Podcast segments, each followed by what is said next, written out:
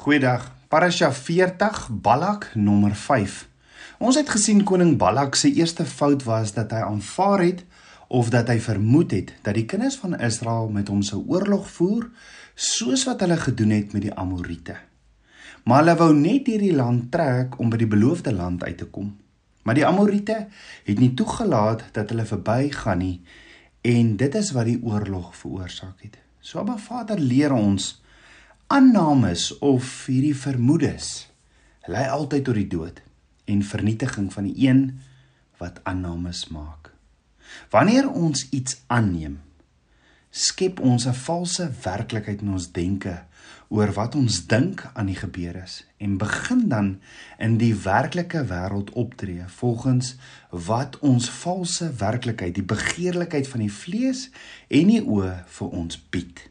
En daarom sê Johannes in 1 Johannes 2 vers 16 want alles wat in die wêreld is die begeerlikheid van die vlees en die begeerlikheid van die oë en die grootsheid van die lewe is nie uit die Vader nie maar uit die wêreld.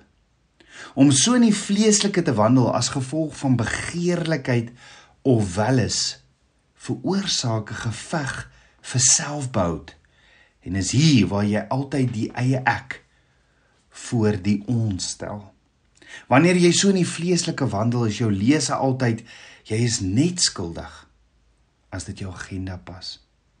Dis hier waar uitsprake of opinies maklik gelewer word voordat al die feite of die, op die tafel is en natuurlik sonder enige verhoor. Hoekom nie almal om die tafel kry en al die feite op die tafel sit nie? Dis dan presies hier waar dieselfde fout gemaak word soos toe koning Balak nie Moses of Israel genader het om die waarheid of die oorspronklike bedoeling of 'n werklike motief te ontdek nie. Nie 'n slegte, bose en negatiewe verslag word geglo sonder om eers dit na te gaan. Hoekom? Omdat dit in vrees gedoen word en jy in die vlees wandel. 2 Timoteus 1:7 sê want God het ons nie 'n gees van vreesagtigheid gegee nie, maar van krag en liefde en selfbeheersing. Jy sien om in die gees te wandel is om te wandel in liefde, vreugde, vrede, geduld, vriendelikheid, goedheid, getrouheid, sagmoedigheid en selfbeheersing. Met ander woorde om in Abba Vader se asem, sy gees te wandel, is om die vrug van die gees te dra. Dis om die vrug van die gees te dra altyd, maar ook wanneer die betrokke mens jou bevraagteken. Daarenteen om in vlees of in die natuurlike te wandel is om aannames, vermoedes, valse oordeel en oorlog aan te bied. Daar is egter 3 groot deure wat ons in ons gedagtes ooplos vir die vyand wat nie van Abba Vader af is nie volgens 1 Johannes 2 vers 16 en dit is die begeerlikheid van die vlees, die begeerlikheid van die oë en die grootheid van die lewe. Nou die King James vertaal die woord begeerlikheid as lust en in Afrikaans as welis. So begeerlikheid of welis kom in alle forme en groottes voor maar die wortel van welis word gevind in 'n leemte in die siel. Dan een van die root words die werk uh, uh, werkwoord van begeerlikheid of welis is die Hebreëse woord nefes wat ook die woord vir siel is wat die mens se gedagtes wil en emosie is. So 'n mens se siel probeer voortdurend sy eie denke, sy eie wil en sy eie emosies bevredig en beheer. Wanneer 'n persoon dan 'n diep leemte of seer in hulle binneste het, probeer hulle die leemte vul en word die hinkering om dit te vul begeerlikheid of welis genoem. Byvoorbeeld dis hier waar jy 'n welis het na krag. En die wortel daarvan is onsekerheid en 'n gebrek aan selfvertroue. So wanneer iemand uit hulle pad gaan om autoriteit, mag of aansien te bekom wat nie aan hulle behoort nie, volg hulle eenvoudig hul nefesh, hulle siel. Dis die begeertes of wel is om iemand te wees wat hulle nie is nie. Hulle probeer die leemte van onsekerheid of 'n gebrek aan selfvertroue in 'n lewe dan vul. Maar as iemand ten volle gewortel en veilig is in hulle verbondsverhouding met Abba Vader, sal hulle nooit meer probeer wees of word as wat hulle is nie, omdat hulle geen leemte het om te vul nie. Hulle is dan vergenoegd in Abba Vader. Jy sien die enigste rede hoekom ons begeer of 'n welis het, is omdat ons nie vergenoegd of tevrede is met wat ons het in Abba Vader nie. Hebreërs 13 vers 5 sê: "Julle gedrag moet vry van geldgierigheid wees. Wees tevrede met wat julle het, want hy het gesê ek sal jou nooit begewe en jou nooit verlaat nie." Dan sê Paulus ook in sy brief aan die kinders van Abba Vader in Filippi in Filippense 4 vers 11 tot 12 Ek het geleer om in watter omstandighede ek ook al verkeer vergenoeg te wees. In alles en in alle omstandighede het ek die geheim daarvan geleer om versadig te wees sowel as om honger te wees, om oorvloed te hê sowel as om gebrek te ly. Vir Paulus was die geheim van vergenoeg dus om op Abba Vader te vertrou, ongeag die omstandighede. Jy sien baie mense ervaar vandag groot angs en ongelukkigheid omdat hulle daardie geheim nie ken nie of dit ignoreer in plaas van om vergenoeg te wees in Abba Vader. Is daar is daar ook 'n begeerte of welis en vertroue op die vleeslike of natuurlike soos geld, die dinge wat geld kan koop. Jy sien vandag die TV of die reklamebedryf en die media laat mense voel dat hulle slegs gelukkig kan wees as hulle die nuutste en die leukste produkte en toestelle het en hulle moet dit nou hê. Gevolglik word baie vasgevang in 'n begeerlikheid van die vlees of van die oog soos die najaging van geld en materiële dinge. Hulle vind nie geluk en tevredenheid nie, maar val in versoeking in 'n stryk en talle sinlose en skadelike begeertes wat mense in vernietiging en verderf stort. Dit lees ons in 1 Timoteus 6 vers 9 tot 10. Jy kan dieselfde voorbeeld gebruik vir welis in enige kategorie van welis. Van die lewe van die leemte en jy die wortel van die aksie gevind. Met ander woorde, laat toe dat Abba Vader hierdie leemte vul en genees, want dis al hoe jy welis oorwin. So uiteindelik kom aannames en vermoedes uit die gebrek aan respek vir gesag en spesifiek geestelike gesag. Dit begin by Abba Vader en werk af na die hoof van 'n huishouding toe. So waarom is dit eintlik waarom is is die uiteindelike wortel van aannames of vermoedes 'n gebrek aan respek vir gesag? Om te verduidelik, Toe koning Balak besluit het om die valse verslag van die kinders van Israel te glo en 'n bose aanname daarby te voeg dat die kinders van Israel kom om alles te steel en hulle te vermoor was al sy volgende stappe gegrond of gewortel in sy gebrek aan respek vir gesag of autoriteit. Maar hoe? Omdat hy nie genoeg respek vir Moses of die leiers van Israel gehad het om na hulle toe te gaan en van aangesig tot aangesig met hulle te praat om die werklike waarheid te probeer ontdek wat hulle agenda was of hoe hy hulle kon help nie. Koning Balak se aanname het veroorsaak dat hy nie net hulle gesag nie, maar ook Abba Vader se gesag wat agter hulle gestaan het, dadelik geminag het.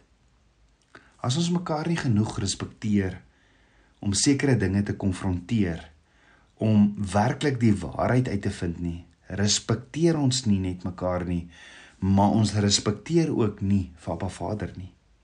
En Abba Vader gee duidelik duidelike instruksies om te verseker dat ons die regte stappe volg om uit te vind wat is die werklike waarheid voordat ons tot gevolgtrekking spring op grond van halfgebakte feite. Ons sien dieselfde sonde van aannames in die verhaal van Korag. Abba Vader het Moses gekies om die leier van die Israeliete te wees, nie omdat Moses so bekwam net was nie, maar omdat hy bereid was en Moses het 'n hart vir die kinders van Israel gehad. En Abba Vader gehoorsaam, Shema.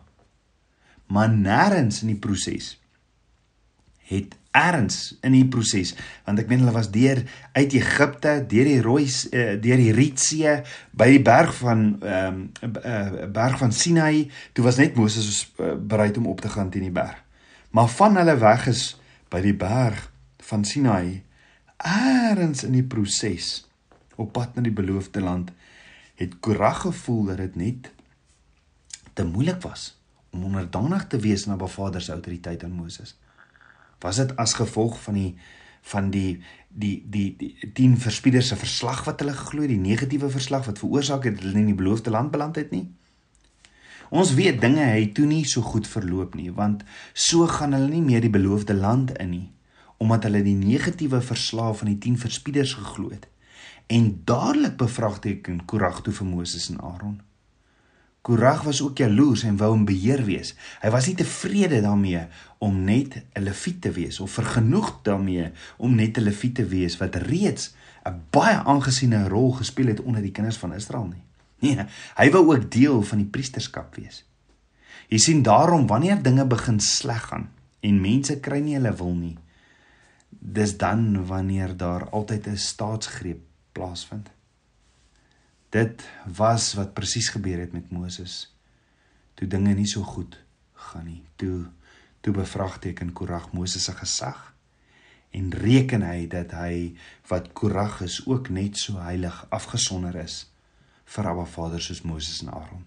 Die punt is aanname, die die aanname van Korag het opgeëindig by die dood en van almal naby aan hom. Abba Vader steun altyd die een wat hy geroep het om met min of geen moeite van hulle kant af te lei. En Ruach gee altyd dit wat wat wat gesteel is terug. Ons sien juis dat dit hier gebeur toe koning Balak Biliam probeer hier om die Israeliete te vervloek en hulle uiteindelik geseën word. Abba Vader is die God wat vloeke verander in seëninge vir diegene wat op hom vertrou vir diegene wat vergenoegd is in Abba Vader, wat in liefde bly en wat Abba Vader se hand van beskerming en voorsiening vertrou. So dink daaroor Tabernakels kind van Abba. Het jy ooit 'n valse vermoede oor iemand gehad? Of het iemand al ooit 'n valse vermoede oor jou gehad? Hoe het dit toe vir jou uitgeloop?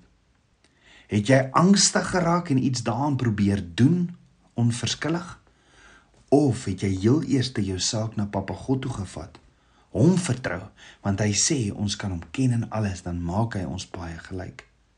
Die punt is as ons tot sekere gevolgtrekkings kom oor ander mense voordat ons die situasie volledig geken het en sommer net enige ander verslaag glo, sal ons in ernstige probleme en sonde beland. Hoekom? Want jy laat toe dat die vyand met jou gedagtes weghardloop.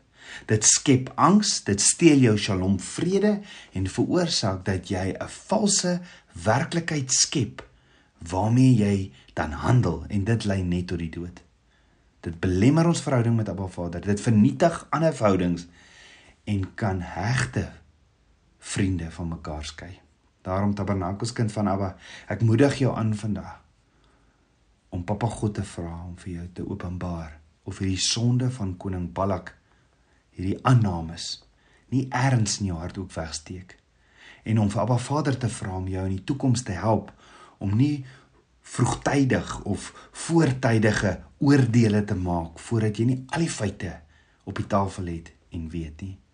Want sien ek is immer seker toe Korag by die 250 leiers van Israel gekom het, het hulle almal geglo dat Korag al die feite het en hy sy huiswerk deeglik gedoen het net soos wat koning Balak die verslag van sy afgevaardigers net geglo het. Aan die einde van die dag het albei Korag en koning Balak hulle self aan die verkeerde kant van die heining bevind, heeltemal vernietig deur die sonde van aanname en vermoedes. Mag ons altyd eerder die beste glo in mense, nie negatiewe verslag glo voor Papa God nie alles duidelik, duidelik, duidelik gemaak het en ook almal hulle harte gedeel het nie. Kom ons bid saam.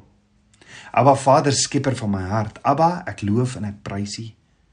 Vader, hier is my hart. Deurgrond my hart.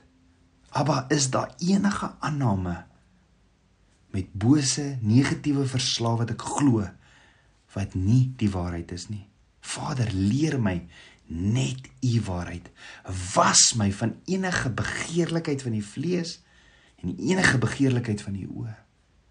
Vader, ek wil in alles net vergenoegd wees in u. Kom leef in my, vorm my, vou my meer en meer van u. Ek bid dit alles in Yeshua Messie se naam, die seun van Jahweh. Amen. Shalom.